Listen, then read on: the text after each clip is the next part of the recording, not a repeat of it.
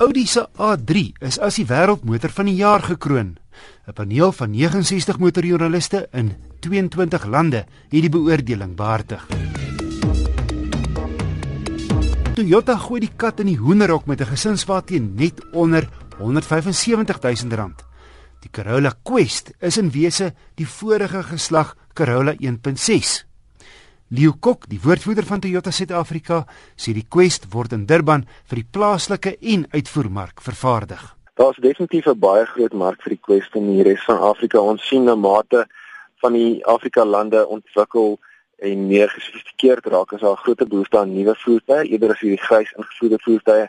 En uh, Toyota het 'n baie sterk vaste plek op die kontinent. So ons wil regtig graag ook baie van daai lande bedien. As jy uit Suid-Afrika kyk ons na ons buurlande So ons sal daar wegspring en dan van daar af verder beweeg. Nou Leo, julle aanleg is gerad vir die nuwe generasie Corolla. Hoe kry julle dit reg om hierdie vorige generasie nou ook te bou? Dan nee, 'n boer maak 'n plan, maar ons het stelsels ontwikkel dat selfs al sou 'n man 'n uh, skroef indraai met die hand eerder as met 'n masjien of sou swys met 'n mobiele stelsel in plaas van 'n robot. Indien hy nie op die regte punte swys of vasdraai nie, stop die lyn dadelik. So ons kan met die kompleksiteit werk van meer as een model op dieselfde lyn en daar is sekere komponente wat gedeel word tussen die vorige generasie die Quest nou en die nuwe generasie. Ons het daai lyn uh, ten duurste opgeknap. Ons het 'n miljard rand belê in daai lyn oor die laaste paar jaar en hy is nou reg om of in groot hoeveelhede sê uh, een op een slag geklop klom nuwe Corolla en dan die Quest of ons kan hulle ook meng dat uh, ons albei saambou. Leo Kok, die woordvoerder van Toyota Suid-Afrika. Iemand verwys na my Ford EcoSport toetskar as 'n Fiesta met stapskoene aan. Ja, dit is tot 'n groot mate waar. Sy grondvryhoogte is 'n ordentlike 20 cm of dan 'n goeie 8 cm hoër as die van die Fiesta se.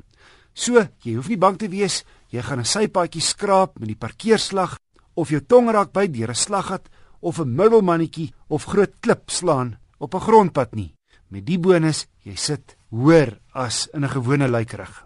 Maar dis 'n sagte baard sportnuts. Net voorwielaandrywing, geen 4x4 in die reeks nie. Pryse begin by R205 000. Ek het die duurste petrol turbo, die titanium teen R249 900 gery. Harde plastiek word op die paneelbord gebruik, seker om die prys relatief laag te hou. Maar die topmodel se netjiese en gemaklike leer sitplekke gee hierdie EcoSport 'n redelike gesofistikeerde ambiance wat jy nie in die goedkoper modelle aantref nie. Danksy 'n volgroot alloy spaarwiel buite op die agterdeur soos 'n waffer se Jeep is die bagasiebak lekker groot en met 'n daklyn hoër as 'n luikerig het ek byvoorbeeld 'n kinderfiets sommer regop agter kon inlaai. Die deur maak nie soos die gewone opwaarts oop nie, maar sywaarts soos 'n gewone kamerdeur. Die Fiesta wielbasis is effe gestrek vir die EcoSport en sy bakwerk is iets langer en breër as die Fiesta se. Genoeg ruimte binne vir vier volwassenes en as dit moet 'n vyfde. Moenie neersien op sy 1000 cc 3 silinder nie. Die turbo aangejaag en skop 1.6 liter krag uit, 92 kW en 170 Nm kon nie naby Ford se syfer van 5.7 liter per 100 km uitkom nie, maar het hy steeds billike 7 liter per 100 km op my eie gemengde roete gemeet. Hy staan hoër as die Fiesta wat terloops die beste hanteerder in sy klas is, maar tog hanteer die EcoSport goed deur vinnige draaie.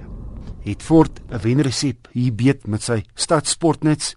Ja, kyk maar na die verkoopsyfers gereeld bo 400 eenhede elke maand. Mitsubishi Suid-Afrika 3 jaar gelede nuwe lewe gekry toe hy by die groot motorgroep Imperial Holdings ingeskakel het. En heelwat meer modelle is nou beskikbaar.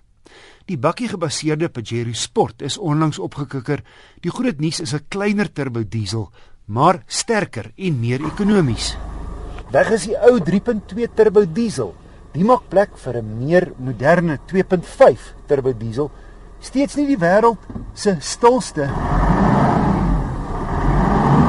diesel nie, maar waar die ou 3.2 dieselfde krag gelewer het as die 3 liter Fortuner, stoot hierdie nuwe oliebrander effe meer krag uit 131 kW en in die 5-spoed outomaties se geval 350 Newtonmeter wringkrag. Ek het die goedkoopste, die nuwe agterwiel aangedrewe model getoets. Volgens Mitsubishi maak 4x2's 70% van die groot sportnutsmark uit. Die model het egter al die leksede van die 4x4 model met sy laastrek radkas, maar die 4x2 is R46000 goedkoper. Hoogtepunte: gemaklike leersitplekke waarvan die bestuurder sin elektries verstel, uitstabiliteits- en traksiebeheer, ses lugsakke, kragpunte voor, agter en in die bagasieruim, spoedbeheer, die radio, een van daai moderne klankstelsels waarvan jy die skerm net so aanraak. Hier's net een knop en dis vir die aansit en volume.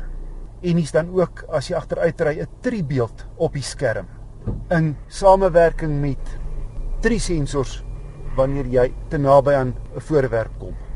Verder is hier klimaatbeheer en ook agterste luguitlate.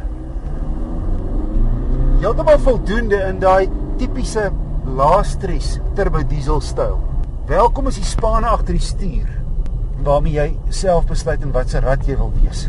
Die 5-spoed outokas is 'n bietjie lui, saam met 'n skoot turbo traagheid. Gelukkig kan mens dit tot 'n mate uitskakel met die spanne agter die stuur. Waar 'n mens gewoon moet raak, die stuur is indirek wat jou laat stoei met die stuurwiel by 'n klein sirkel of wanneer jy parkeer.